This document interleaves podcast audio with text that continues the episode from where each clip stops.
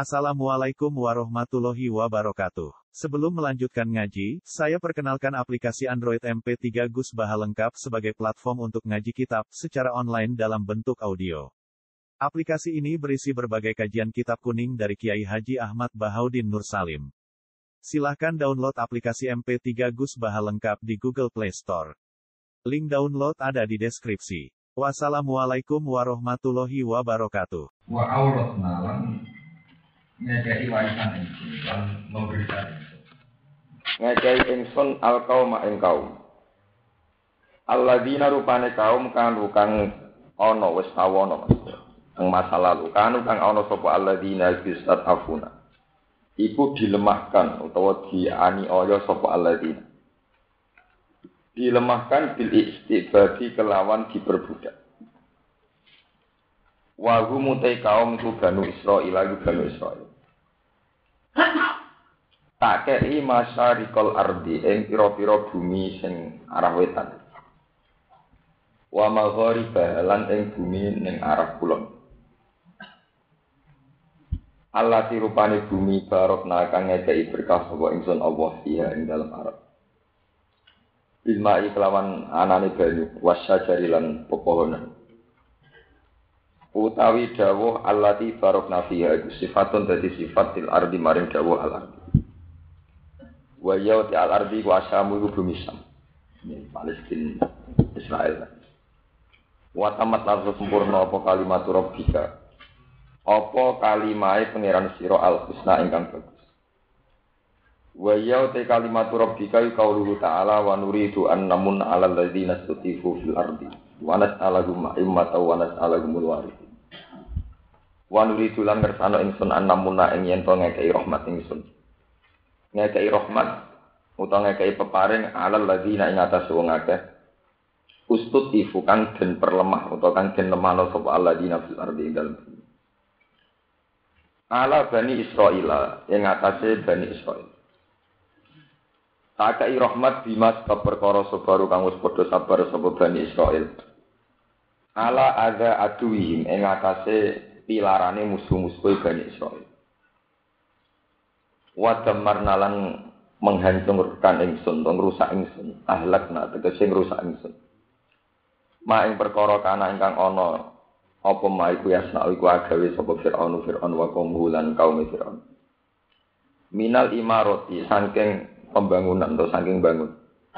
Wa malan perkara kanu kang ana sapa Firaun sak kaum iku ya arisuna iku bangun sapa Firaun wa kaum. Bisa rok kelan kasre rok wa domiha lan domairo.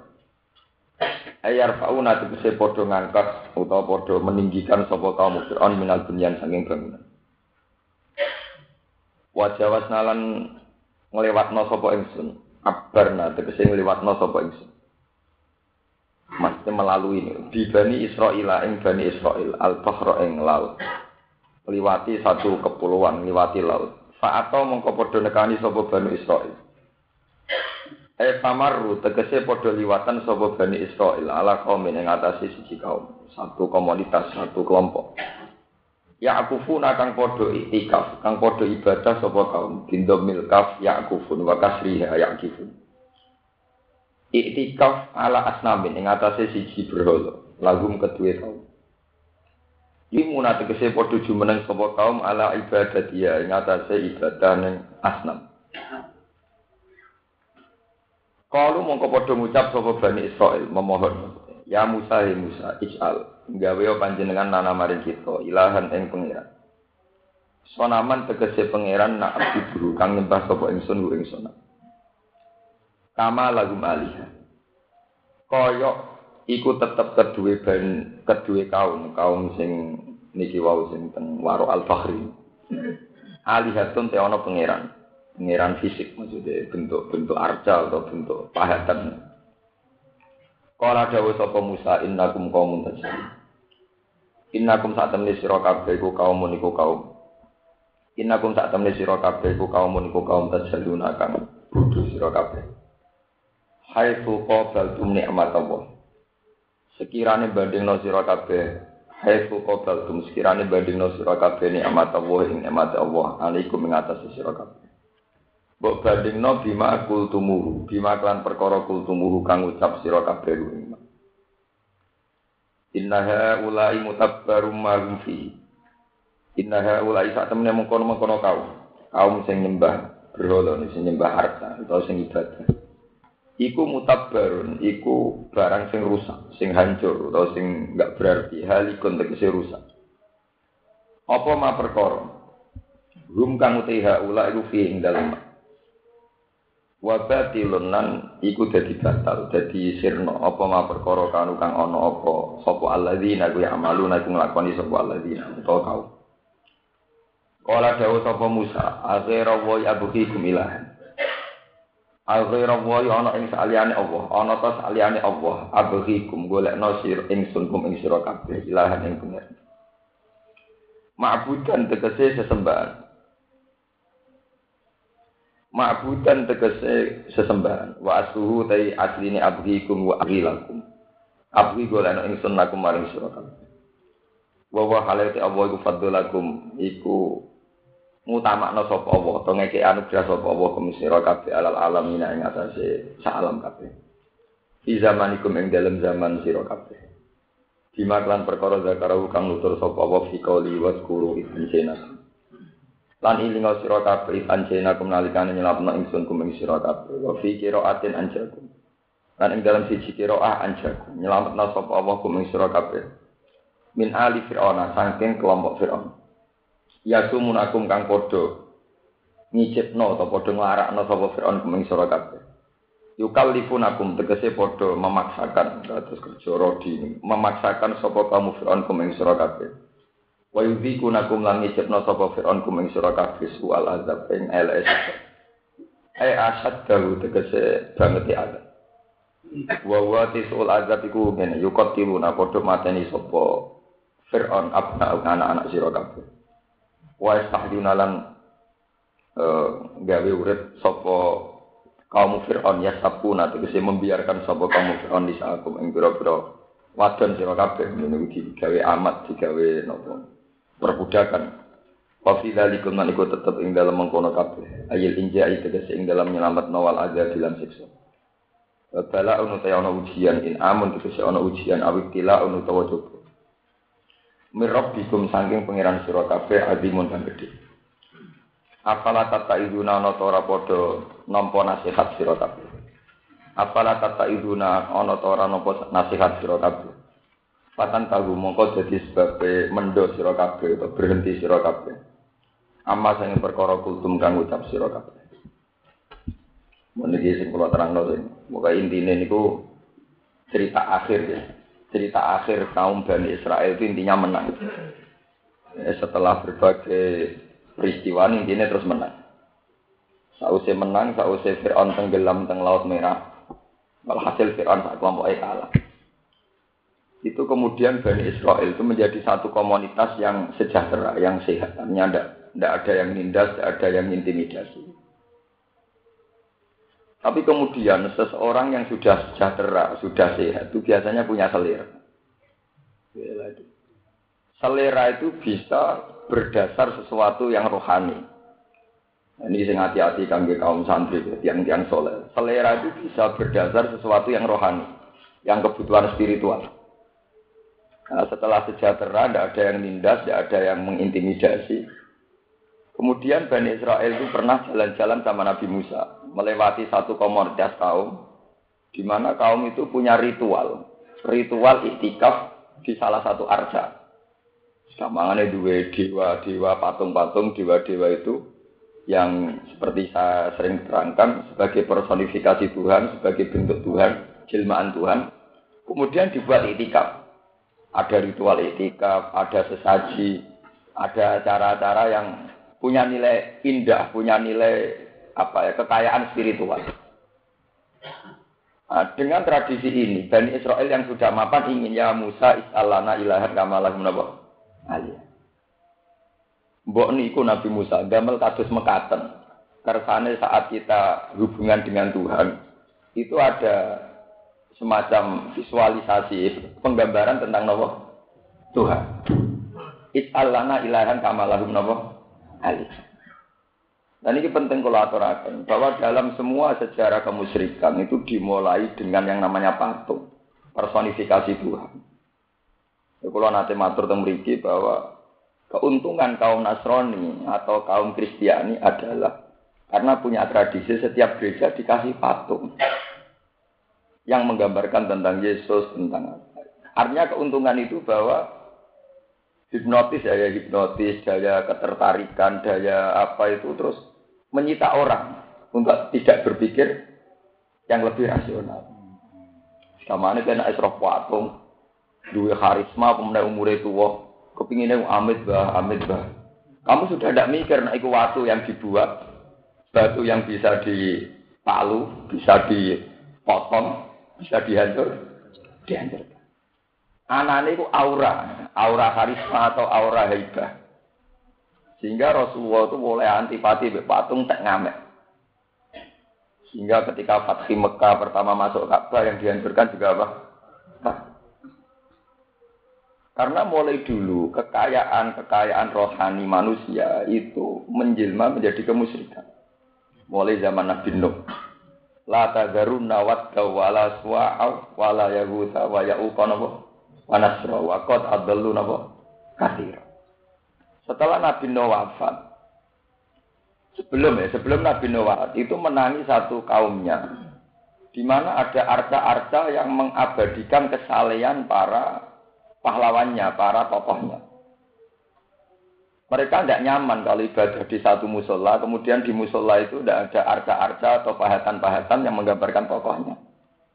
Tapi lama-lama menjadi kenyamanan spiritual tersendiri.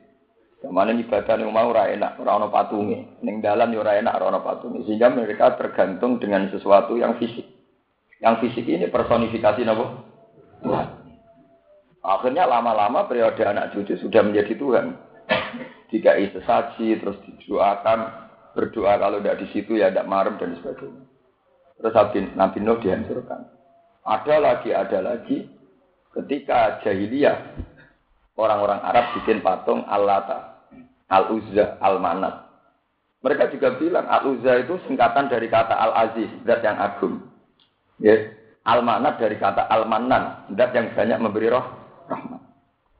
Nah, kemudian Allah itu dibayangkan, artinya dijilmakan dalam patung-patung itu. Ini zat yang agung, ini zat yang pemberi.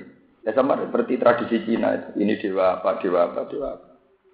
Nah, karena lamanya satu petualangan spiritual di mana di situ sudah ada sesaji, ada amit bah, amit bah, ada ruatan, ada apa. Sehingga orang itu lupa kali itu hanya sebuah batu. La tadur wala tanfa. Nah, kelupaan ini yang menjadikan kemusyrikan karena terus menjema kayak Tuhan. Nah, makanya Nabi Musa marah betul ketika kaumnya punya selera, ingin punya acara ritual yang kayak dilakukan ala kaum yakufuna ala asnamil Makanya kalau nyuwun para teman-teman yang haji, begitu juga saat kita haji, kita akan mengalami hal yang sama saat melihat hajar nama aswa. Makanya karena tradisi ini rawan, ya, rawan disalahgunakan, sehingga seorang Sayyidina Umar setiap mencium hajar aswad, ya setiap mencium hajar aswad dalam riwayat-riwayat hadis sahih pasti komentar, alim Tuhan naki hajarun la tadur wala tanfa. Walau la anni itu Rasulullah qabbal tuki ma qabbal. Saya tahu bahwa kamu hanyalah batu. Yang namanya batu ya batu, tidak roti, tidak manfaat. Kalau saja aku tidak melihat Rasulullah mencium kamu, aku yura gedugo ngambung gue. Karena apa? Personifikasi tentang Tuhan, tentang yang sakral, itu bisa rawan ke depan menjadi gemus Kemudian nak patungnya digawe meripati mendelik sumpune sangar wong mesti wedi. Anak digawe kaya Yesus ya orang tuh akan iba, akan kasihan. Eh, efek dari ini, ini kemudian orang tuh sudah tidak mikir asal usulnya itu batu. Anaknya wedi utawa iba. Lalu kulon syukur ya termasuk saya itu beberapa kali kalau istihad sedang munajat sama Allah. Ini istihad pemikiran dan abdalun. Mulane kak baru bentuknya ra jelas, ku hikmahnya ngoten. Monggo kak baru bentuknya wong ganteng ta wong ayu, wong malah karo karuan. Buan kotak wiran ra jelas buan ben ora ana kemus kemusrikan. Ku hikmahnya kena apa Ka'bah ora ono bentuke. Mungkin Ka'bah kebanggaan orang Islam tak dunia, tapi bentuknya paling ra jelas. Semua kotak. Mergo Islam itu anti patung, jadi Ka'bah ora mutu to, gamane bentuke mboten artistik blas. Cara potakono seniman, potakono ahli seni ya. Wis ora artistik blas, kotak wireng. Ya karena itu, nih, perjalanan personifikasi Tuhan dengan gambaran-gambaran yang macam-macam. Kalau Cina ya kayak Dewi Kuan Im, Dewa Keberuntungan, Dewa Hujan. Kalau Arab ya kayak Allah, Al-Uzza, Al-Manat dan sebagainya, Hubal. Itu adalah satu apa ya personifikasi Tuhan sing rawan kemus. Seperti itu Islam itu anti. Ya, Nabi Musa marah-marah betul ketika tradisi ibadah mereka mau dibentuk dengan tradisi yang baru yaitu ada personifikasi apa? Tuhan, ada gambaran Tuhan. Ketika Nabi Musa innaha ula imutabbarum mahum fihi wa batilum makanu ya. Itu hanya patung. Ya patung itu patung itu tradisi yang salah, yang enggak ada artinya. Nabi Musa pinter caranya mendorong kaumnya anti patung.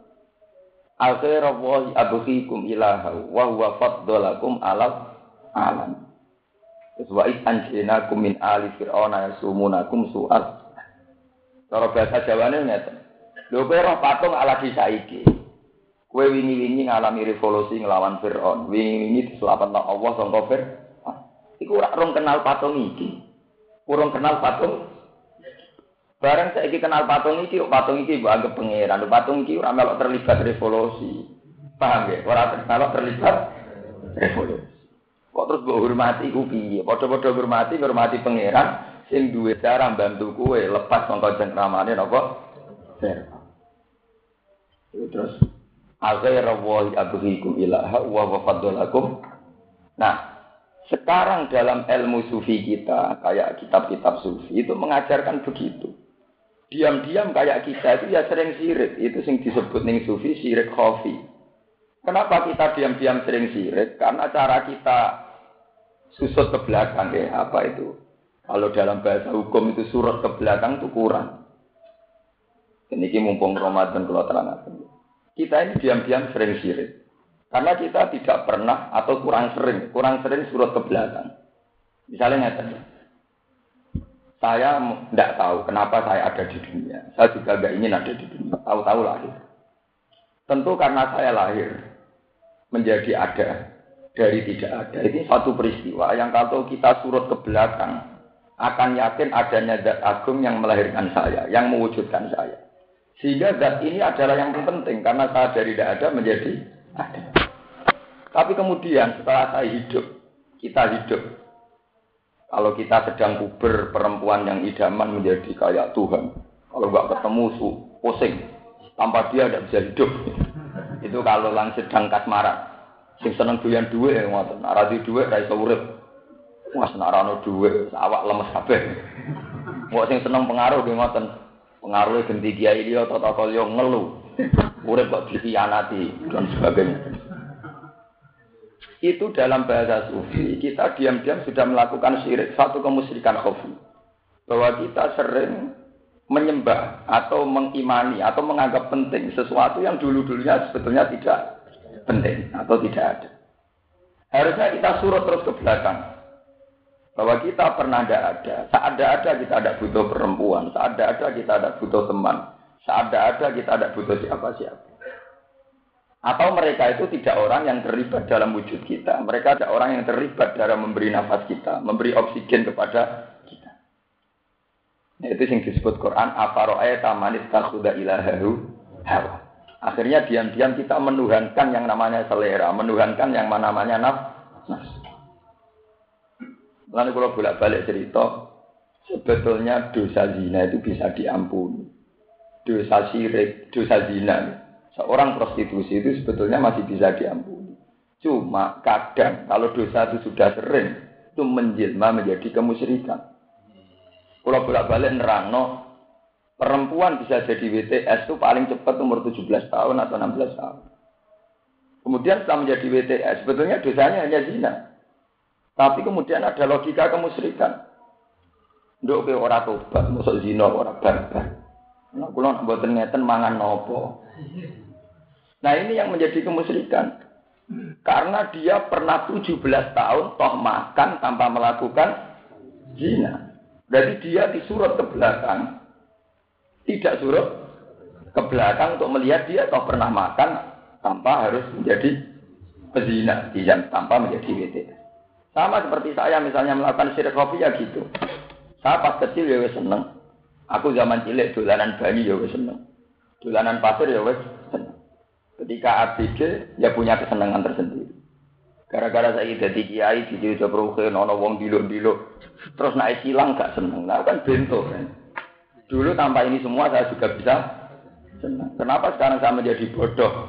Seneng ini nak pengaruh akeh, nak wong do sopan. Dan saya ada ingin jadi bodoh gitu. Mana pulau itu pengaruh orang urusan. Ya memang kita harus melatih, melatih begitu terus. Kalau tidak, kita pasti akan melakukan sirik khofi karena kita sudah orang yang sejahtera, orang yang aman. Orang yang aman tuh rawan menentukan satu selera, di mana selera itu sebetulnya mengganggu hubungannya dengan tuh, Tuhan.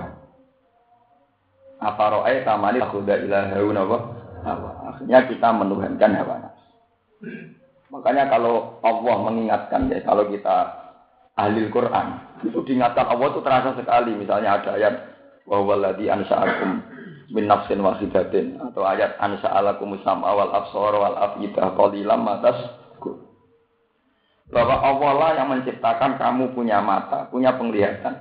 Allah lah yang menciptakan kamu punya telinga. Allah lah yang menciptakan kamu punya rasa. Kalau kita ahli Quran, ahli wah, seorang yang dekat dengan Allah, kita akan tahu bahwa saat saya makan enak itu karena Allah menciptakan satu rasa, di mana akhirnya saya menikmati makanan. Kita melihat satu gadis atau uang atau apa yang kita senangi, kita merasa nikmat karena Allah menciptakan rasa nikmat. Tapi karena kita sudah banyak dosa, berlumuran kemusyrikan, akhirnya kita mengatakan, makanan ini enak, uang itu enak, dunia itu enak. Itu semua enak kan karena rasa. Jajal kena setruk. Setruk gabungi wong ayu ana kan. Kue setruk ning arep mono suwate ana makanan enak ana gunane. Kita harus terlatih. Tiap detik, tiap menit kita harus berlatih surut ke belakang. Bahwa semua itu ada rasanya karena kita diberi Allah asam awal absara wal ab. Bahwa kita karena punya telinga, punya penglihatan, punya rasa. Makanya Allah menutup koli lama atas turun. Tapi betapa sedikitnya kamu syukur. Artinya kamu syukur setelah kamu menikmati makanan. Malah makanan ini menjadi begitu penting. Setelah kamu menikmati seorang gadis, malah gadis ini begitu penting. Nak jeneng susah era karuan, nak putus cinta, boleh tampar dan sebagainya. Wah, terus pengaruh ya begitu. Pengaruh ini menjadi penting. Ini kita nak udzubillah min Kita jangan begitu. Seorang mukmin yang sejati tidak boleh begitu. Mukmin sejati akan terus ala zikrillah tatmainnul bahwa hanya dengan Allah kita menjadi tentram. Ya itu begitu memang. Makanya Rasulullah, para ulama semuanya itu anti. Samanya bentuk-bentuk penuhanan nafsu.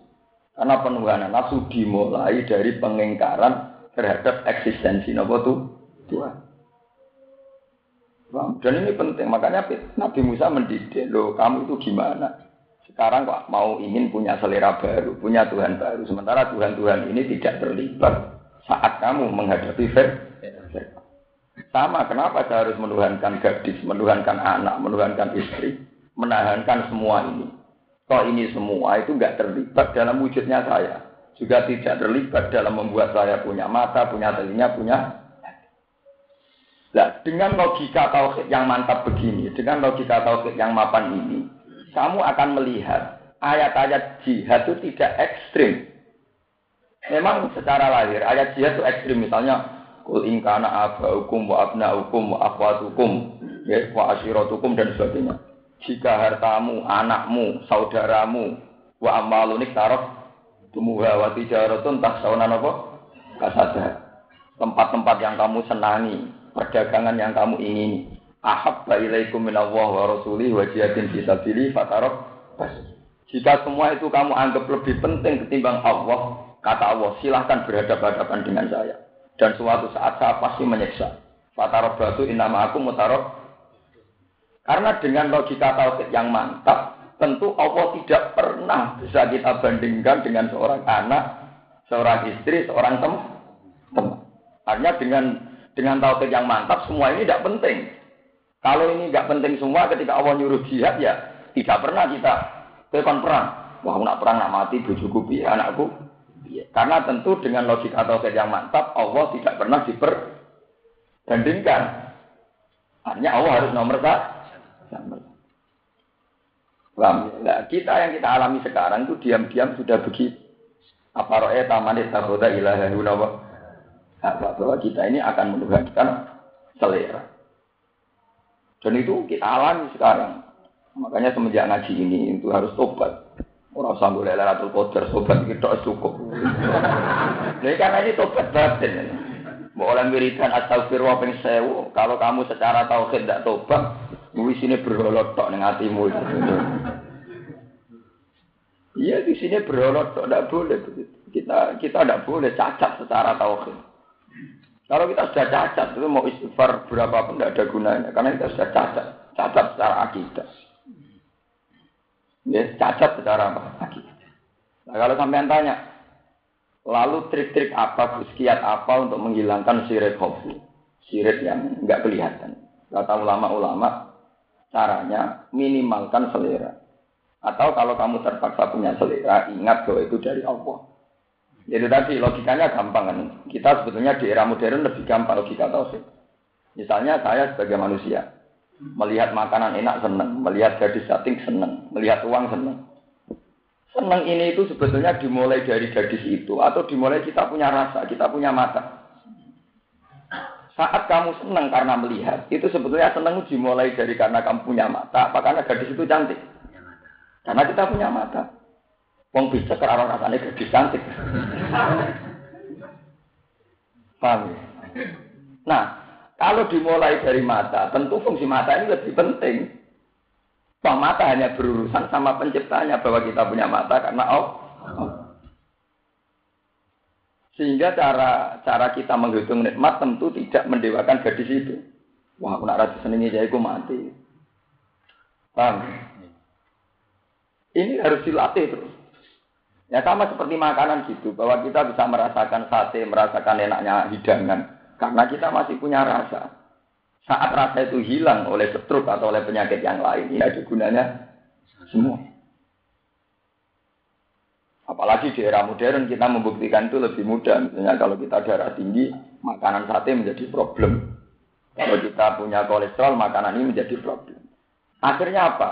Quran teruji kebenarannya bahwa semua kenikmatan duniawi itu kembali pada rasa dalam diri kita atau organ-organ dalam diri kita atau elemen-elemen dalam diri kita.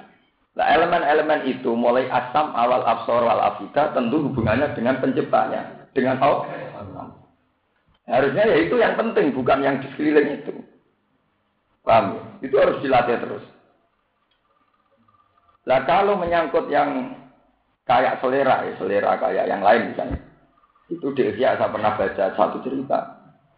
Ada seorang resi, penasihat seorang raja. Raja itu bijak karena punya penasihat yang bijak pula. Nah, suatu saat raja itu dapat hadiah satu apa satu keramik yang dari kristal bagus sekali. Itu gelas dari keramik bentuk kristal bagus, indah sekali. Raja itu senangnya bukan main. Sampai-sampai saking senangnya itu kalau minum ya harus pakai gelas itu. Kalau enggak ada marem. Ketika raja saking senangnya karena punya benda yang sangat dia sukai. Sang penasihat itu bilang, hey raja, saya itu tidak senang sama benda ini. Kok bisa? Kamu itu gimana? Kamu penasihat saya. Yang saya itu senang sekali kok kamu tidak apa? Senang. Jawabnya penasihat itu, jika jenengan senang betulan, itu akan tersiksa karena kesenangan yang berlebihan. Suatu saat kristal itu pecah. Pecah raja sangat sangat gelisah, sangat risau. Beliau bilang, tahu lam yakun. Saya senang andekan dulu-dulunya tidak pernah ada. Kalau dulu-dulunya tidak ada, nggak pernah susah karena pecah atau karena ini. Itu sama dengan yang dikatakan Sayyidah Maryam, ya letani kuntu nasyam masih. Ya seperti itu. Kita harus melihat begitu. Semua nikmat Allah harus kita lihat bahwa itu dari Allah. Kalau ndak diandekan, andekan ndak ada juga tidak apa-apa. Itu bisa dilatih. Itu tadi kita menghindari punya benda yang kita senang secara berlebih. Misalnya saya yang saya alami. Saya misalnya kiai punya bendera. Kita punya harus latihan. Misalnya kan ya senang, pergi sendirian ya senang. Misalnya dihormati orang ya biasa dipisoi wong ya biasa harus dilatih. Kalau tidak kamu akan tergantung dengan fenomena-fenomena atau kejadian-kejadian di sekeliling kamu. Dan itu mengganggu kita kenyamanan dengan Allah Subhanahu wa taala. Ini keluar terus akan. Ini bakat yang Wawa atna Musa salasin alailatan.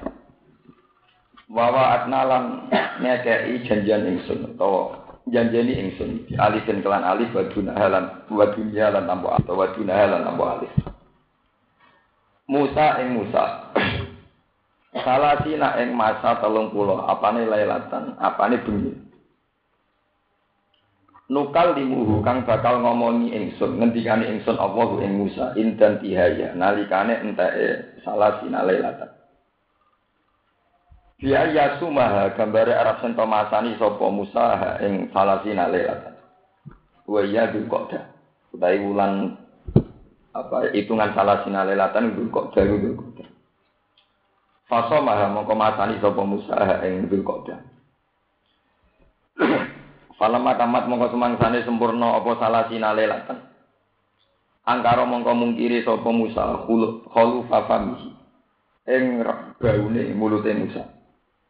Fasta kamu kau siwakan sopo Musa. Gara-gara siwakan dianggap salah, dianggap ya dianggap salah. Fa amaruhu Mongko perintah ing Musa sopo Allah Allah. Bi asratin kawan sepuluh ukro ingkang liya. Liukal lima supaya ngomongi, supaya ngendikani sopo Allah ing Musa. Bi fi famihi kelawan apa ya? Bau mulutnya Musa. Kama kala ta'ala kaya oleh dawuh Allah ta'ala wa atmamna bi asrin. Lan nyempurnakno sapa ingsun Allah ing salasina lailatan bi asrin kelawan 10 minggu hijjah. Saking wulan Dzulhijjah. Fatamma miqatu rabbihi arba'ina laila. Fatamma mongko sempurna apa miqatu rabbi, apa perjanjian ning pangerane Musa. Eh waktu waktu tegese waktu janjeni ing Musa bikalamihi kelawan ngendikane Allah ya ya Musa arba'ina lailatan ing 40 dina halun lailatan tamyizun dadi tamyiz Faqala lan dawuh sapa Musa Musa li akhihi maring dulure Musa Harun rupane Harun. Inta dahabihi nalikane budale Musa ilal jabal maring gunung lil munajat maring krana Musa ketemu pangeran. Ukhlufni fi qaumi. Ukhluf kareo sira utawa lereno sira tinggalo sira ning ingsun utawa gantekno sira ngenteni sira. Ekun tegese ana sira dadi khalifah ingsun. Fi kaum ing dalam kaum ingsun. Wa aslifan napa dibenahi sira utawa dandani sira amrohum ing perkarane kaum. Wala tetap dilano janut sira kowe aja anut sabilan musikin ing dalane wong Bimu wafakotihim kelawan nyocoki musikin alal ma'as ing atase kemaksiatan, pira-pira kemaksiatan. Walama ja'alan semangsane sowan sapa Musa Musa atau teko sapa Musa limi kotina. Krana mapak ning ingsun. Aile waktu tekse maring wektu allazi rub wektu wa adna kang janjeni ingsun hu ing Musa. Bil kalami kelawan ngendikan utawa ngekeki wahyu fi ing dalam waktu wa kallama rabbu. Lan ngendikani ing Musa sapa rabbu pangeran Isa. Bila wasitotin oleh ngendikani kelawan tanpa pelantaran. Pasti boten liwat Jibril boten liwat malaikat. Kalaman kelawan siji kalam. Sami agu kang krungu sapa Musa hu ing kalam mingkul jihadin saking saben-saben sisi saben-saben arah. Kala dawuh sapa Musa, Rabbi arini angzur ilai. Rabbi do pengira ingsun. Ari, kula aturi mirsakno panjenengan. Ari, kula aturi mirsakno panjenengan ni ingsun nafsaka ing dat panjenengan. Anggur mongko saged ningali ingsun ilaika maring ndate panjenengan.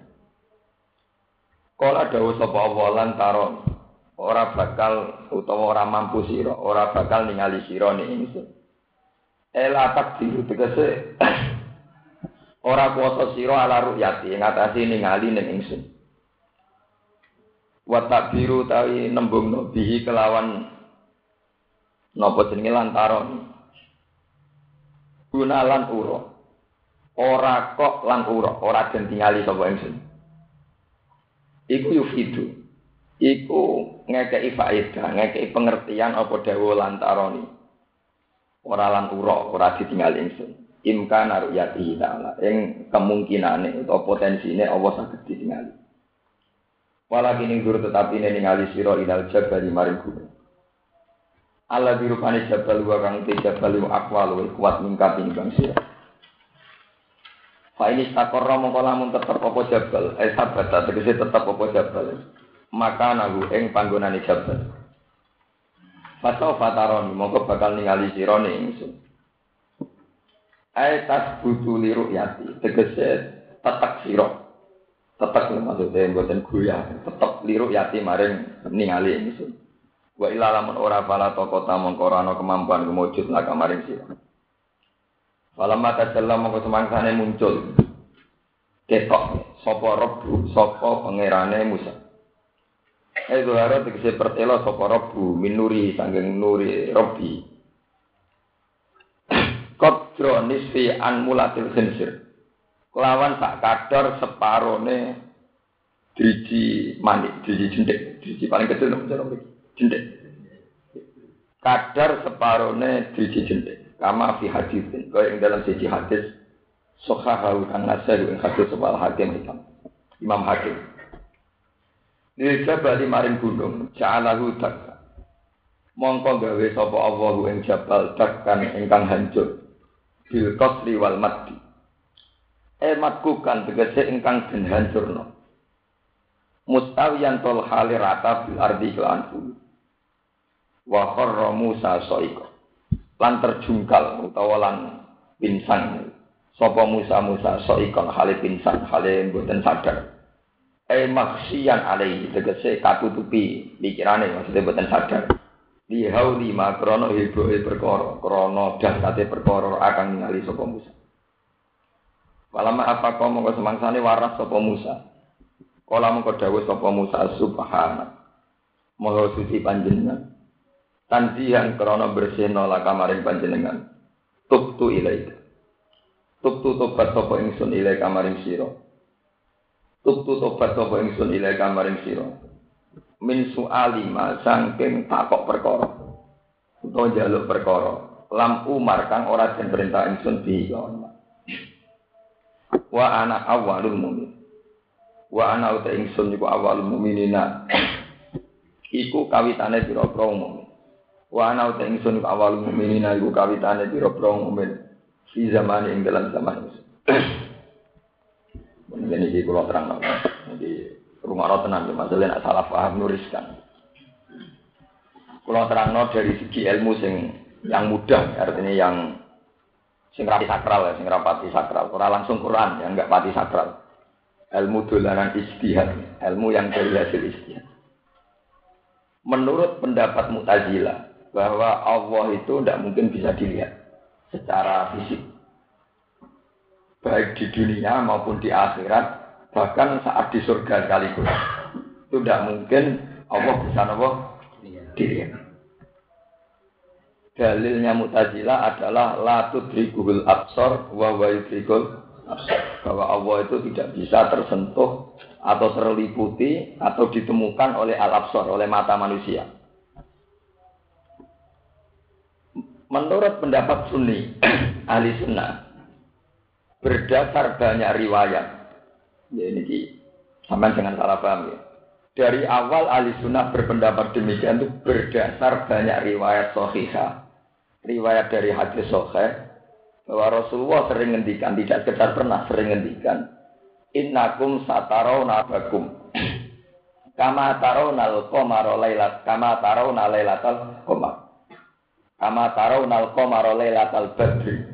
La bahwa kalian nanti di akhirat akan melihat Allah secercah secerah kayak kamu melihat rembulan di malam yang sangat cerah. Lailatul. Kemudian ada banyak ayat wujuh yauma idzin nadhirah ila rabbiha nadhirah. Di hari kiamat itu wujuhun ada beberapa wajah yauma idzin ing dalam dinane kiamat nadhiratun ingkang cerah, ingkang mencorok.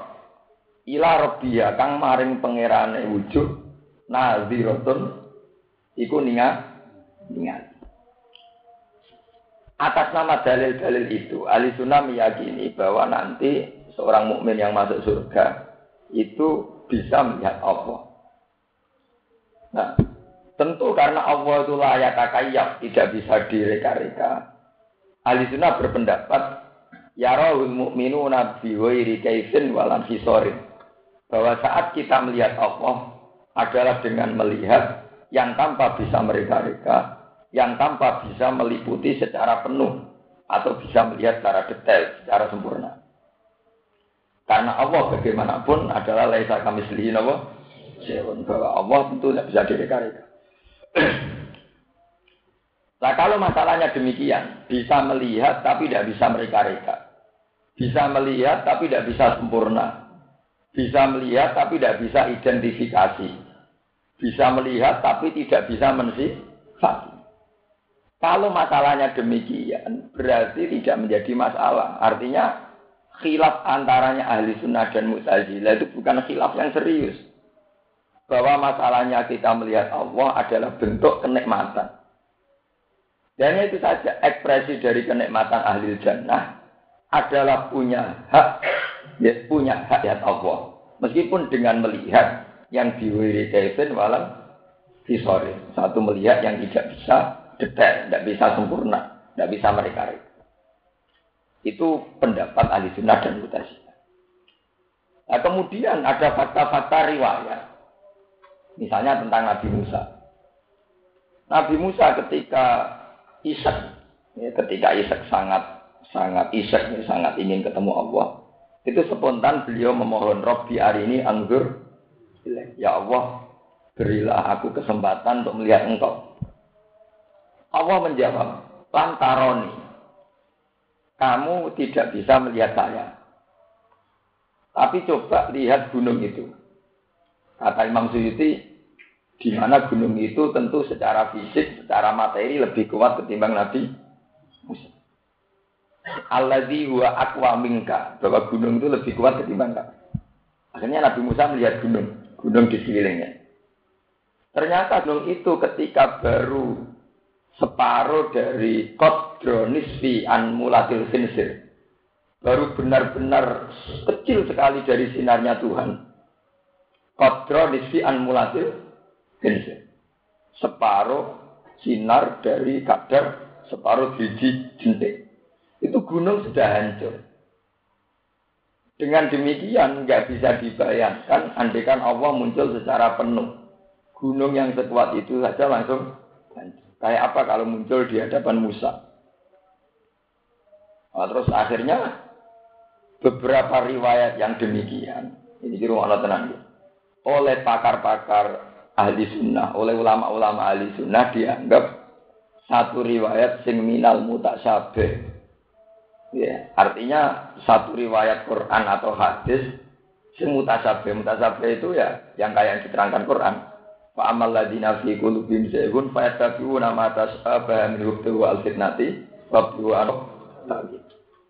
Orang akan mencari-cari persisnya kayak apa. Misalnya kalau berupa cahaya berarti Allah itu berbentuk cahaya. Kalau kamu yakin demikian juga sirik, juga kafir karena laisa kami sendiri. Itu banyak riwayat yang begitu. Misalnya Tadi Nabi nanti ngendikan watadaul jabbar qadamahu alan nar hatta takula kit kit. Itu riwayat hati sohe. Dan Allah survei melihat mendadak neraka disurvei. Hal min apa kamu butuh anggota baru? Butuh tampungan apa? Baru. Nah kurang akeh tak tambahi. Lalu istilahnya Nabi pas Allah survei itu Wata do'ul jabbar kodamahu ala jahannam hatta takula Jadi sangking kuatnya pangeran, ngidain rokok nganti kriat-kriat. Nah, itu kan Nampu artekno kan rakaru karuan. Mosok ke bayang pangeran kaya raksasa kan bukan mungkin. Bayang pangeran nur bukan mungkin. Mosok pangeran kaya pelangi. Itu masalah-masalah yang oleh pakar-pakar ahli sunnah, oleh ulama ahli sunnah dianggap minal mutasyabih. Sama seperti ayat-ayat yang secara lahir misalnya ada ayat ya dua moko nopo ini bahwa tangan Allah di atas tangan manusia. Sama seperti ayat walitus ala aini. Musa apa e, Isa kamu itu Musa kamu itu kesayangan mataku ala aini. Mata saya itu paling senang kalau melihat kamu. Walitus apa? Tentu nggak bisa diartikan bahwa kemudian berarti Allah punya mata. Nah itu masalah-masalah yang diperdebatkan terus oleh ahli sunnah dan mutazilah. Dan para kiai sekarang sampai kiamat tidak akan menemukan hakikat itu semua. Tapi kita punya gambaran, kenapa itu bisa terjadi. Misalnya begini, kalau sering ditanya orang, Gus katanya orang sebelum wujud, itu sudah ada al-misa, sudah ada perjanjian Tuhan, yaitu di alam dar. Wa id akhadha rabbuka min bani adama min durihim dzurriyyatahum wa asyadahum ala napa anfusihim ala tu biro bikum qalu Terus pertanyaannya adalah seperti teori saya tadi. Kita melihat karena dengan mata. Karena terlanjur cara melihat kita dengan mata, tentu sesuatu yang tertutupi atau yang jauh menjadi tidak kelihatan. Karena kita terlanjur mendengarkan dengan telinga, saat telinga kita kita sumpeli, maka kita sudah tidak bisa mendengar. Tapi masalahnya, apa betul dengan mata ini, apa betul dengan telinga ini kita nanti melihat Tuhan? Konstruksi kita kan nanti dirubah total. Elemen kita nanti juga dirubah total. Sehingga dengan perubahan-perubahan elemen itu dimungkinkan sesuatu yang diceritakan Allah Subhanahu wa taala kita punya banyak bandingan tentang itu. Misalnya, wah jenenge mangan orang sak piring ya rawar. Jenenge. Tapi ketika era ditemukan orang tidak makan pakai infus juga warak. Karena elemennya ternyata ditemukan. Sekarang tidak usah makan satu piring nasi, cukup pakai infus yang lewat organ tertentu bisa nopo lapar. Oh ya bisa menggantikan fungsi makan. Ya sama bisa saja begitu nanti di akhirat mata kita yang punya problem penglihatan karena bersyarat harus dekat, bersyarat harus ditutupi. Problem ini bisa dihilangkan kalau rekonstruksi badan kita dirubah toh. toh. Karena di akhirat segalanya dirubah. Yaitu yang disebut Tuhan yaumatubat dalul ardu ghairal ardi was samawati wa baruzu lillahi wahidil.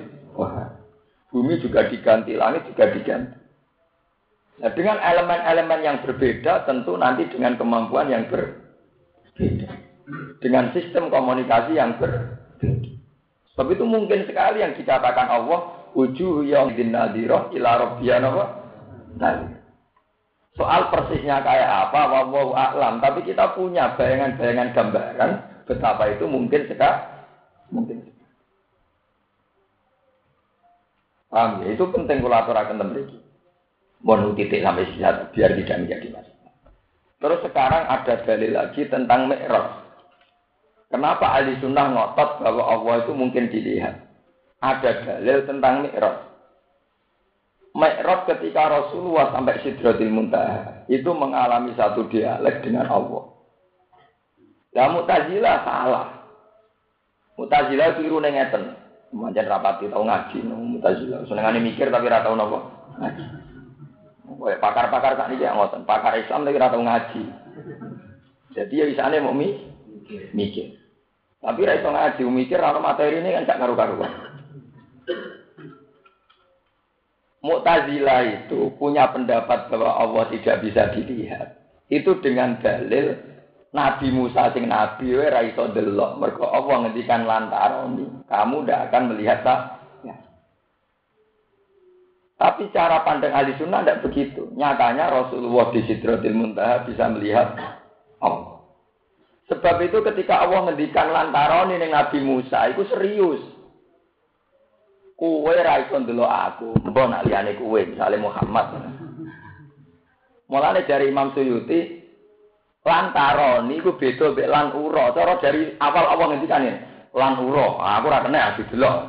Iya sapa wae ra delok. Mulane niki Imam Suyuti dawuh wa takbir bihi dunalan ura yufidu imkana ru jadi. Jadi eleng-eleng. Kenapa Allah cara ngendikan lantaroni kamu tidak melihat saya? Kamu Musa tidak bisa melihat saya. Berarti bisa diartikan, nak selain kamu, misalnya Muhammad, Ibrahim, bisa. Ya kan kode kok cawe aku rasa seneng kue, iso ae seneng wong li. Kue ra iso ngarteno, saya rasa seneng wong lanang mboten tak Ora seneng kue. Ya kamu saja. Iso ae seneng wong Beda nak cewek itu mending ini. Aku ra iso seneng wae. Aku ra iso seneng. Berarti ndekne di kelainan sing dadekno ra iso seneng. Iku ambek sapa wae ra iso. Lah Allah ngendikan lantaroni, mboten lan ura. Ya ini jalan terang Imam Suyuti. Lantaroni kuwe Musa ra ndelok aku. Ora kok nak apa jawab lan ura, aku ra iso didel. Andai kan dari awal Allah ngendikan saya tidak bisa dilihat, tentu siapa saja tidak bisa melihat. Paham ya? Sebab itu Mu'tazilah salah sekali kalau bikin dalil ayat ini buat satu ketentuan bahwa Allah tidak bisa dilihat. Mereka Allah dawe aku, we raiso delok aku. Orang aku raiso itu. Berarti yang karuan kena ponis tidak bisa melihat kan Musa. Bukan yang lain. Ya. Sebab itu banyak hadis tentang Sidratul Muntaha di mana Nabi Muhammad berdialek langsung dengan Allah Subhanahu dan itu sah dan tidak perlu bertentangan dengan ayat ini karena ayat ini adalah nafyun li ru'yati Musa li Rabbi. Satu bentuk penafian bahwa Musa tidak bisa melihat Allah. Bukan berarti Allah tidak bisa dilihat. Musanya yang tidak bisa melihat. Ini bukan berarti Allah tidak bisa ini maksudnya apa? Wastak birbihi dunalan uro yufidu imkana ruyati tak. Paham ya? Mereka lantaran itu hanya berkisar kepada Nabi Sinten Musa. Kecuali kalau ayatnya lan uro, aku rasanya didelok. Nah, ngono nggih pun. Balik atas itu sudah itu masalah. Sebab itu kita harus yakin, enu yakin sesuai mazhab ahli sunnah bahwa kita nanti bisa melihat Allah Subhanahu wa taala. Soal persisnya kayak apa itu tetap biwairi kaifin walam hisori. Ini wis menjadi akidah ahli sunnah ma khatara bibalika fawahu bihilafi lahir. Apa yang terlintas di hati kamu tentang bentuk Allah, fawwah bihilafi lahir. Allah tentu tidak demikian. Misalnya kita terlintas Allah itu paling kayak sinar yang begini. Ya Allah tidak begitu. Misalnya kita terlintas kayak apa ya Allah tidak begitu. Namanya ma khotoro bibadika fawahu bihilafi dalika. Apa yang terlintas di hatimu, ya Allah tidak begitu. Karena kita punya kaidah baku bahwa tentang Allah adalah laisa kami sendiri bahwa Allah tidak pernah ada padanannya. Ini gue saya pujian-pujian disebut mukhalafatul lil Men kula. Kala sapa Allah taala lagu maring Musa. Jauh saya peristiwa ini. Ya Musa ya Musa ini istofaitu ka alam nas. Ini istofaitu ka alam nas. Ini saat temen ingsun Allah iku istofaitu ka. Iku milih sapa ingsun ka ing sira. Ikhtar tuka tekse milih ingsun ka ing sira alam nasi ing atase manusia. Ahli zaman ika tegese penduduk sak periode Diri salati kelawan tak pilih layak untuk risalah ingsun. Maksudnya untuk risalah Allah. Bil jami kelan jamak risalati wal ifradi lan ifrad. Diri salati mboten usah alif, sausi alif. Lam mboten usah alif. Wa bi kalami tak pilih iso untuk ngendikan ingsun. Eh taklimi tegese ngendikan ingsun iya ing sira. Fakut mongko ngalapo sira mak ing perkara. Ate tukang pangan paring sapa ingsun ka ing sira minal fadli saking anugerah saking rahmat wa kunal ana sira iku menasakirin aku setengah sanggung sing syukur-syukur kabeh kowe syukur an umi maring pira-pira nikmat mesti Wa katabna lan nulis sapa ingsun lahu krana Musa fil alwah ing dalam pira-pira laut sabak nggih kuna maknani sabak. Lembir lem lembaran-lembaran Taurat. Alwah Taurat tegese pira-pira lembarane Taurat. Wa kana lan ana alwah min sidril jannah saking dedaunan swarga. Au zabarjatin utawa saking jenis batu zabarjat. Au zamrotin sabatin asra utawa sangka zamrot. Sabatun al asrotun lempirane ku rapi itu utawa sepuluh mingkul lisein. Aku nulis neng Taurat mingkul lisein saking saben-saben urusan. Yuk taju kang den butono apa ilahi fitin ing dalam masalah aku. Dalam Taurat ada panduan-panduan tentang melaksanakan agama. Mau itu tan hale jadi mau itu nasihat. Wa tafsilan lan hale jadi penjelas. Tapi nanti kesih jadi penjelas likul lisein maring saben-saben perkara. Dawud kuli syai'in badalun jadi badal minal jari wal majrur qabla usdurungi ila dawud. Fakut mongko ngalapo siroha ing alwah. Eh qabilhu. Tegese nampa sira. Qabilhu tegese nampa sira hu ing ikilah dalih utawa hu ing ikilah. Jadi kewau sini. Katapna lagu min. Ekul nanti kese ngucap sapa ingsun muqaddar. Halik sing kira-kira ana qabilha bikuwatin. Kowe oleh nampa Taurat bikuwatin kelawan tenanan, kelawan serius. Eh din tegese kelawan tenanan wastihatin lan nggih tenanan sing fisik nu jidin istihad itu tenanan cara berpikir. Ane kalau pemikiran jenis istihad. Jidin itu keseriusan fisik, istihad itu keseriusan berpikir. Wa amur lan perintah sira kaum maka ing merentau sira kaum maka ing kaum sira. Ya kudu supaya ngalap sapa kaum muka supaya ngalap di ahsaniha kawan bagus-bagus wah maksudnya mengambil yang baik kemudian dilaksanakan. Mengambil dengan cara yang terbaik saurikum darul fasikin. Bakal ngetono ingsun kum ing sira kabeh darul fasikin ing omahe utawa domisiline pira-pira sing fasik. Fir'aun atau Fir'aun wa atba'i lan pira-pira pengikuti Fir'aun Wa ya te baru fasikin misru iku Mesir. Tidak tabiru supaya ibar sira kabeh bihin lawan al fasikin. Saat ribu bakal ngenggokno sapa ingsun an ayat di saking ayat-ayat ingsun. Maksudnya diparingi ra paham. Edala ini kudroti, tegese dalil-dalil kekuasaan ingsun minal masnuat. Saing pira-pira barang sing diciptakno wa ghairi halang liyane masnuat. Aku bakal ngenggokno, maksud tidak diberi kepahaman. Sapa sing gak diparingi paham alladzina wong akeh yatakabaruna kang angkuh sapa alladzina fil ardi ing dalem bumi. Diwiri hati lan tanpa hak. Wong sing sombong ora bakal paham ayat-ayat Allah. Bi an asdalhum. Gambare Arab yang tongi nak no sapa Allah, memberikan kehinaan sapa Allah hum ing alladzina. Fala yatakabbaruna maka sok ben ra sombong sapa alladzina fiha ing dalem arep. Wa iyaro lamun ningali sapa alladzina takabbaruna kulla ayatin ing saben-saben ayat. Layuk minum mongko ora iman sapa alladzina fi aklan ayat. Wis dikandani ra nurut. Wa iya lamun ngerti sapa alladzina sabila rusdi ing dalan kebenaran. Etori rusdi tegese dalan kebenaran. Ayil huda tegese petunjuk Allah di rupane huda. Huda atau hati bahasanya ini untuk bahasa Arab. Sebagian riwayat itu wa khairul hadi hadi Rasulillah. Kadang wa khairul huda huda napa? Rasul dan tidak apa-apa. Wonten dua bahasa. Allah dirubani huda saya akan teko apa huda intilah sangking ngersane Allah. Layat takhiduhu sabila. Mongko orang ngalap sopo ngakehu ing arus di sabilan ing dalan. Ya suku kang ngambah sopo Allah dinahu ing sabil. Nak roh barang apik ora dinut. Wa iya roh sabilal goyi ya takhiduhu sabila. Wa iya lamun ningali sopo ngakeh sabilal goyi ing dalan kesesatan. Idolali tikse dalan kesesatan. Ya tasudu mongko ngalap sapa Allah dina ing sabilal wa sabilan ing dalan. Zalika sorfu. Utai mengkono-mengkono pengalian, maksudnya uang kok diparingi kelainan, cara berpikir kelainan.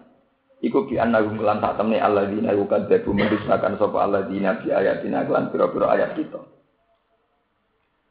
Kula niku niku nak maca ayat niki mulai mulai sakit ngalim.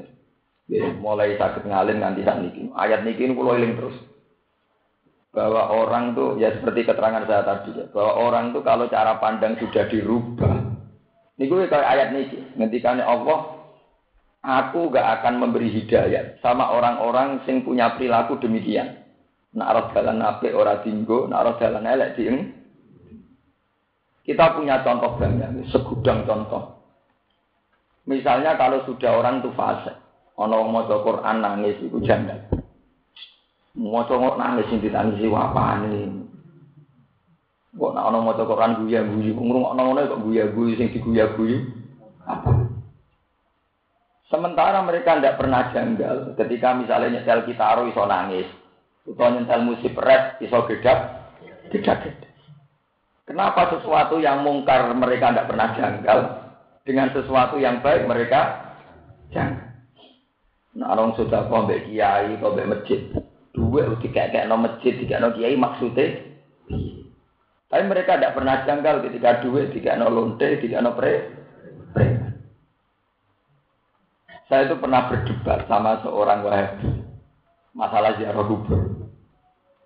Atas nama sama-sama ulama, artinya tidak tidak atas nama tradisi. Nah, atas nama tradisi, orang NU mesti mau kuburan. Saya itu kebetulan dulu sering disuruh dimintai, dimintai tolong terjemah buku teks-teks Wahabi oleh orang Wahabi. Kadang-kadang diskusi. Ya saya bilang, saya mau diskusi caranya sama-sama dengan kapasitas ulama, tidak dengan kapasitas tradisi. Ya, kalau dengan kapasitas ulama, yang jelas saya sudah unggul dulu karena saya hafal Quran, hafal sekian ribu hadis. Situ kan hanya orang Arab. Oh iya katanya, jadi ngaku itu. Dan tidak harus jelas. Seperti ini bukan urusan sombong. Memang kalau orang harus berdebat itu dengan kapasitas. Kalau tidak dengan kapasitas kan terus repot kan. Terus tersangka kan. Nah itu kan repot itu. Akhirnya dimulai. Kan sangat menyesatkan ketika cari ketenangan komoro kuburan. Cari ketenangan itu ya baca Quran. Itikaf di masjid. Ngapain itikaf di kuburan? Ngapain ziarah nopo? Terus saya kan maksudnya itu mesti salah. Ya salah, karena harusnya kan baca Quran, wiridan itu di masjid, tidak di kuburan. Terus saya tanya begini, oke okay, itu salah. Saya tanya sekarang. Kenapa dari dulu misalnya Rasulullah di banyak hadis gak ngedikan gini. Mau Quran itu saya apik di masjid. Andai kan dari dulu Rasulullah membatasi begitu, mau Quran sing apik di masjid. Tentu aku ora maca Quran ning omah, ya ora maca ning kuburan, ya ora maca ning pondok, mergo ora masjid.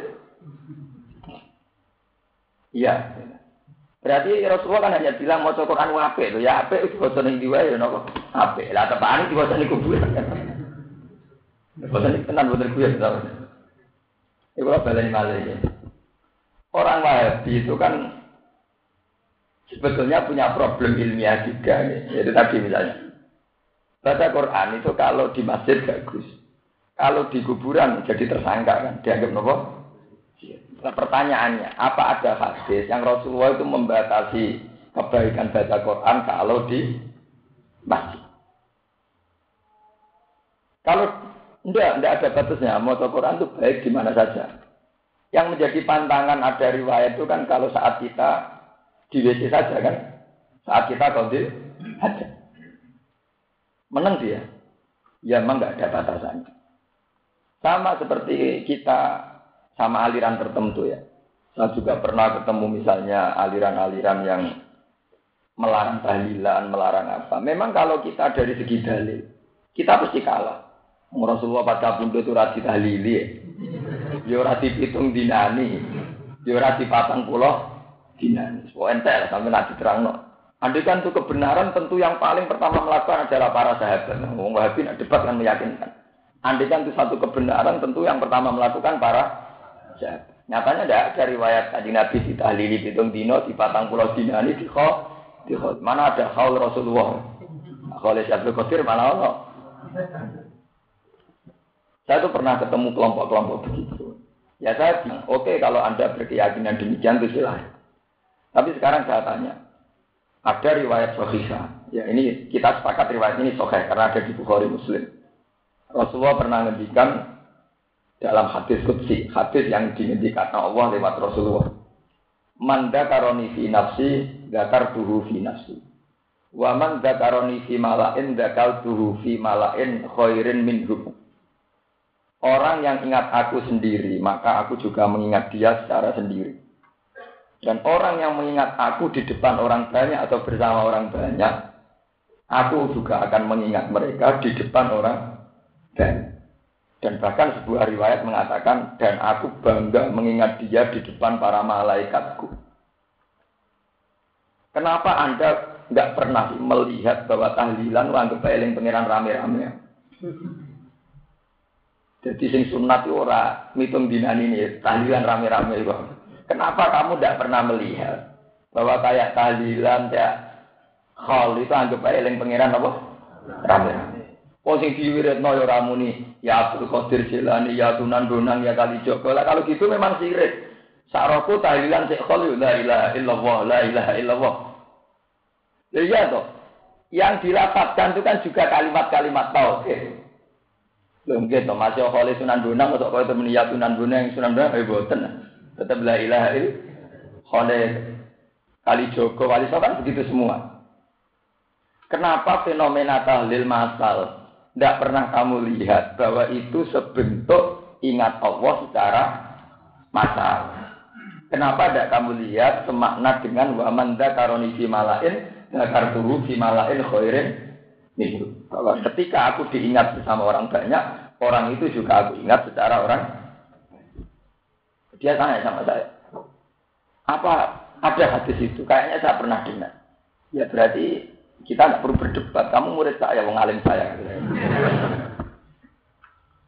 Ya ini yang saya tidak mau gitu. Perdebatan tidak level. Akhirnya sama dapat ilmu dari saya. Harusnya debat tidak begitu. Sama-sama level terus kemudian ada yang punya kelemahan. Kalau gini jadinya tidak berdebat. Jadinya saya gurui kamu atau kamu ngaji saya. Betul-betul kerja. Ya Ya kalau dipikir gitu ya ada baiknya gitu dong ya. Dia tetap nggak ngaku itu baik. Ya kalau dipikir gitu ya ada baiknya gitu wah Ya itu kan ya memang begitu susah kan. Ya memang saya sendiri ya. Saya sering ngomong sama istri saya, "Dik, umpama aku mati lah ya seneng." Ditahlili wong akeh terus wong do teko akeh, misale mati dipendem terus mbok sing biasa sama ambek aku kondongano. Cuma aku ya anti tahlil, tapi ya serasa ribet-ribet. Memang masalah itu memang masalahnya. Tapi yang jelas lewat ngaji ini sampai akan tahu bahwa atas nama mayat itu memang salah. Ya, atas nama mayat itu memang salah. Daripada atas nama mayat itu memang salah, kita pakai hadis soha itu saja. Bahwa saat kita ingat Allah sendiri, Allah akan mengingat secara sendiri. Saat kita ingat Allah secara masal, Allah juga akan mengingat di arah secara masal. Dan Allah akan bangga, nama kamu akan disebut di hadapan para malak. malak. Itu jelas pokoknya hadis. Sama cari di hadis-hadis muslim di Bukhari. Itu kita lebih aman. Nah, ini kalau saat ini sudah di kiai tenan, jauh dalam tonggo-tonggo tahlil. Gus mengira wonten pitung dinane bapak kula. Ya, mbok teko wiridan bareng-bareng dia Gus ya sembarang. Itu kalau anak kadang tiga waktu mau itu hasanah gitu. Anggap mawon tahlilan wiridan bareng-bareng teman rasa peduli polemik NU Muhammadiyah wiridan dirian ya apik masal ya apa? Apik sing ora apik misale kowe ya tamu iki duwe utangan. Kiaimu sereten nak sembuh salam tempel duwe utangan. ya saya ada cerita gitu aja. Artinya nak sembuh sugono ika utangan, ora duwe kasus ya apik. Sing dadi masalah iku asline ora kok perkara. Bolak-balik kol-kol itu jadi masalah kan penggalangan dana nih pasti. Wong ini raja gal ini. Kemudian anggo proposal negara, mereka ya ini terkenal proposal untuk diri semalah itu yang masalah. Ini uang kurang janggal. Ambil wiridan buat apa? Si janggal itu gue bolak-balik mari janggal napa? Uang dari mana kok holnya besar-besaran? Mari janggal di perkara. Repot. Tidak artinya kita punya perbandingan. Kita ini jangan menjadi orang kelainan. Saya bilang sama orang itu, saya bukan anti papa, saya setuju sama mazhab Anda dalam banyak hal. Tapi kita jangan jadi orang kelainan. Ulama-ulama Wahabi, apa pernah se ekstrim itu menuduh para pemusik? Misalnya ulama Wahabi apa mengarang begini, sungguh gila, sungguh bid'ah. Wong kok iso gedek-gedek ngrungokno musik rap. Sungguh nggak terpelajar. Wong iso nangis mergo ngrungokno musik. Kenapa selalu yang dihujat orang-orang yang ngaji di kuburan? Orang-orang yang nangis saat ngaji di kuburan. Ini kan tidak adil. Satu kefasikan yang jelas-jelas fasik tidak pernah diadili sesering itu. Sementara satu kesalahan yang mesti fasik dihujat seperti demikian rupa. Lengge, orang-orang misalnya apa siapa saja di Indonesia, misalnya ada kelompok yang anti tahlilan, apa mereka sesering itu janggal terhadap fenomena wong beda-beda ini kelas? Sing dijanggali kok amen wong tahlilan. Apa ora iso janggal mbek sing beda-beda ning jero napa? Ini banget maksud kula, cek seneng nek janggal mbek wong saleh. Ya memang alasannya. Ya tapi wong sini kuburan beda-beda kan ya wong bingung. Padha wong neni klub ya wong bingung kabeh. Kenapa yang bingung satu tersangka, yang bingung satu gak ter Nah itu ya itu tadi itu fenomena kita ini jangan sampai cara berpikir kita kebolak balik. Rawong sodakon yang masjid janggal, rawong sodakon yang kiai janggal, tapi rawong bayar BTS janggal. Saya bukan termasuk pengagum Gus Dur, tapi saya bukan benci Gus Dur. Saya itu pernah ketemu seorang kiai yang punji sekali sama Gus Dur. Iya, acara mesti hujat Gus Dur. Suatu saat ketemu saya. Tangklet ya gue. Gus nak jenengan termasuk sing gede Gus Dur nopo boten. Waduh, pas. Tapi gak di depan umum. Dia ini nak omongan kan nakalan, bisi-bisian. Jawab pulang ya. biasa mawon. Pulang gue, kalian kusur ya biasa mawon. Artinya ya, biasa mawon. Ya, dia wong mukmin ya seneng ya, terus kalau seneng ya ini biasa. Terus beliau mengucap mau beritanya apa-apanya. Terus saya bilang begini, saya itu setuju sama Anda, tapi dengan satu syarat. Asal frekuensi kebencian Anda terhadap kemungkaran yang dilakukan Gus Dur juga frekuensi yang sama atau lebih pada fase-fase lain. Ya, misalnya di Indonesia yang fase itu pengeruh pasir ilegal juga fase. Pedagang prostitusi juga fase. Orang-orang bos-bos trafficking penjualan wanita juga. Dan para kiai juga tahu itu lewat koran, lewat media. Apa kita sering menghujat fase-fase yang musbah ini? Kenapa kita lebih sering menghujat fasik, singgung mesti fasik, misalnya Gus atau siapa lah yang kita sedang tidak suka. Saya bukan bilang Gus Dur, betul Mengenai kalau nak dinyek orang, misalnya saya dihujat orang gitu. Sing hujat aku misalnya uang sing wis soleh timbang aku. Kalau nak diceritani Gus yang lu buatan seneng jenengan, senang ini hujat jenengan. Agar hujat aku gak lonte lu sering lonte cek soleh. Tapi nak hujat aku lu sering timbang hujat lonte. Berarti wong tinggi ya. Loh iya kan. Kalau atas nama kesalehan menghujat sesuatu itu kan karena kemungkaran kan. Kenapa kemungkaran yang satu tidak dihujat secara berlebihan, kemungkaran belum pasti mungkar kan yang dihujat secara berlebihan. Nanti kalau janggal pulau kan ngoten sama mazhab mazhab Wahabi. Cek seneng nih muni darah nih wong yang kuburan sirik. Mereka golek ayam kok golek patok. Kok ora semangat darani sirik pisan wong sini ikhlas. Wong golek ayam kok ngenteni tip, ngenteni karo karo. Kecuali mereka adil. Wong sing golek iya hiburan ning kuburan golek patok ya sirik. Apa meneh sing golek karaoke lu sirik misalnya. Tanggungnya lumayan rada adil gitu. Kita ini kadang punya frekuensi yang lebih menghujat orang soleh ketimbang menghujat orang soleh. Hanya karena tak hasut saling ber. Lalu kalau baik ya ilan puan jarang ngomong-ngomong. Kalau jagungan ya pas ngaji tok. Bukan nanti kalau bakat jagungan pas ngaji tok. Ngomong ilmu pas ngaji tok. Nah di luar itu bukan jual kalau ngomong. Dari masyarakat kita kok ikut secara jenengan partai sih bener di. Partai yang bener ya partai ini Quran, pas solihin, sing keliru partai dolimin. Nah itu mesti biar gitu. Lah partai ini jenengan apa? Ya kawan solihin. Ya karena itu ya kadang tidak adil itu ya. Ya saya itu pakai ayat ini. Kadang orang itu kalau sudah kelainan, wa iya lo sabila lo iya dulu apa sabila. Nah, tapi nak sabila rusti layak dulu sabila. Kalau sama-sama janggal kan janggal. Saya pernah baca di Jawa Pos itu, bagus ada seorang pengamat, ada seorang ulama. Mungkin dia saking salehnya, ya, tapi mungkin salehnya itu tidak pengalaman. Iya, tidak punya perbandingan mas. Soleh super mungkin itu. Dia itu menghujat MTQ. Kenapa musabaqah tilawatil Quran dibiayai negara miliaran? Padahal acaranya hanya pamer suara. Padahal Quran kan diturunkan lihat baru nopo ayat. Itu hanya pamer suara saja kok dibiayai nopo miliaran. Itu dari segi itu mungkin ada benar misalnya saya katakan dia orang soleh. Saya ulangi dia orang soleh.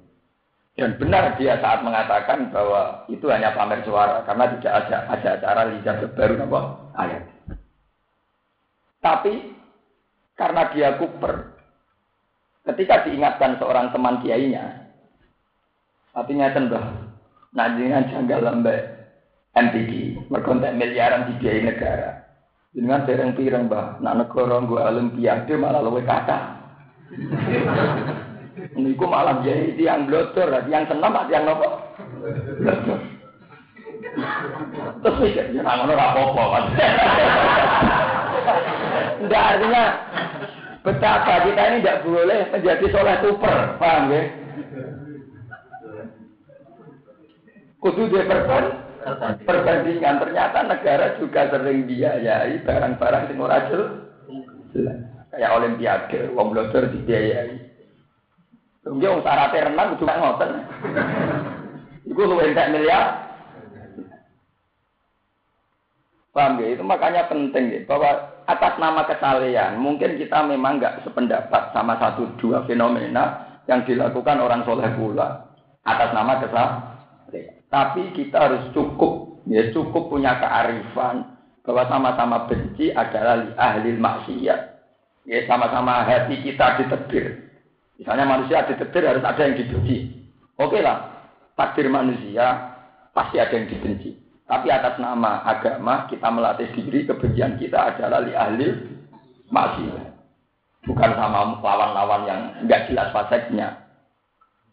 Hanya saya bilang sama dia tadi, kalau anda benci sama orang fasek musma dengan frekuensi yang setingkat benci Gus atau lebih, ya bagus lah kalau gitu masih banding kata saya. Mau nang hobi jenengan mau ujar gusur, rang ujar lihat, lihat kan buat tenang. Ya sama, jangan-jangan sing dihujat wahabi sirik mau ning kuburan. Wong sing ini kok agak dihujat sirik. Alasannya dari kuburan boleh ayam, boleh patok ya sama neng ning karaoke cari ayam, cari tenang kok di karaoke. Aku loh foto-foto menghujat, milih menghujat sing neng nikah timbang hujat ini kubu. Kubu. Karena misalnya takok.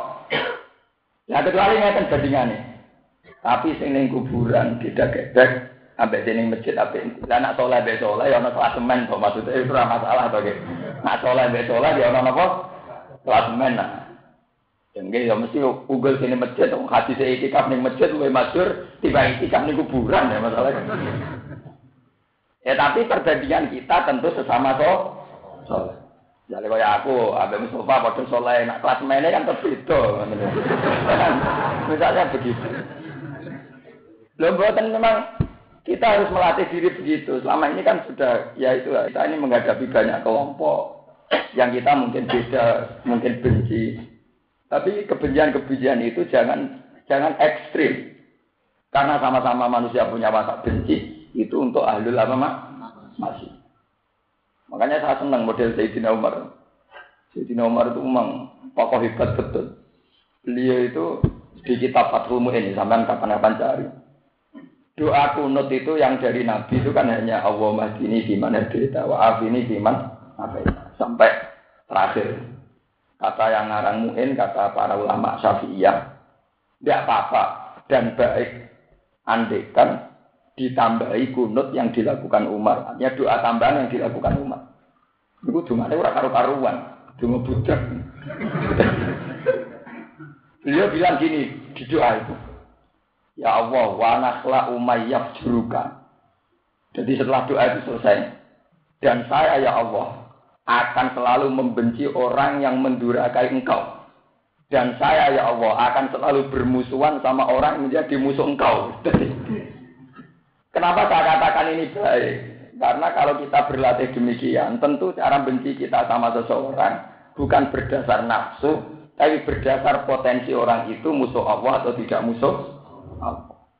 Kalau kita tidak berlatih demikian, maka benci orang berlatih karena nafsu. Akhirnya korbannya santri dewi, kelompok itu. Selama saya ngaji 10 tahun. Gara-gara itu partai tinggi. Itu kan, itu kan kebencian yang karena nafsu. Selawasi 10 tahun jadi santri ini, dalam santri taat. Barang kerungu itu partai, oh santri maksiat deh. itu kan berdasar nafsu. Kita harus melatih diri untuk benci seseorang berdasar amruwah, berdasar hukum. Jadi ke mana yang Mustafa ini ngurung kabar dari selingkuh lah gampang. Angger ngurung kabar dari selingkuh ya sen. Mas ora lah pokoknya seneng berkurang. Ora maksiat. Paham ya? Ya karena kita jangan sampai masuk ayat wa iya rasabilal napa rezeki la ya tahdilu sabila ya rasabilal wa iya tahdilu napa kita jangan sampai pola pikir kita berbalik-balik. Paham ya pola pikir kita apa? Berbalik. Jadi mau kayak wong sing kelainan, ora wong jilbaban, manggo cacat, kok iso kok ora untek. Barang kok wong belajar gak janggal. Kan repot. Jadi wong belajar gak janggal. Wong cadaran, wong jilbaban apa? Janggal. Kok iso ora untek. Enak jare wong saleh dene kadang ngono. Klambi rung dadi dinggo kan. Ora ora utuh maksud. Wong blodor klambine mboten apa? Utuh. Dibule melarat. Tuku celana dawa ora kuat, kuatnya celana apa? Kan. Yo nggih kalau berpikir waras kan. Dibule gaya melarat, tuku celana penuh gak kuat, tuku celana apa? Pendek. Bukan sampai cara berpikir gimana kan? Menurut terusakan itu. Nah, orang-orang yang cara berpikir salah itu ngedikannya Allah saat seribuan ayat orang bakal paham ayat-ayat. Ke mana orang bakal jadi wong ape mereka cara pandang juga salah.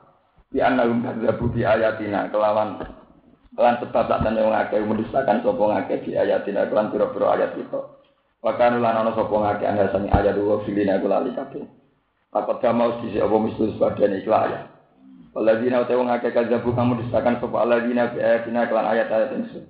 Waliko il akhirat lan pertemuan akhirat. Ail bazi tegese tangi sangka kubur. Wa ghairi yang jane pas. Habitat ku dadi batal, edato lan tegese dadi batal apa amaluhum apa amal amale aladina. Ma tegese perkara amilu kang padha nglakoni sapa aladina ing mafidin ing dalem dunya. Min khairin sanging kaapian kasilati men kau jenis silaturahim wa sedekah lan sedekah. Fala salah mengko ora ana ganjaran iku mujud lalu ngerti wong akeh. Li agami syarti ana ora anane syarate ikilah amal. Te wong akeh kaya apa lan imane ora ana iku apike ra ditampa. Hal jauh nama nata ora diwales sapa ngakeh mai jana tegese ora den wales sapa ngakeh. Illa jaza amma kecuali walese perkara kanu kang ana sapa ngakeh ya malu iku lakoni sapa ngakeh. Minat takdzibi sanging gorono wal masilan pira-pira kemaksiatan.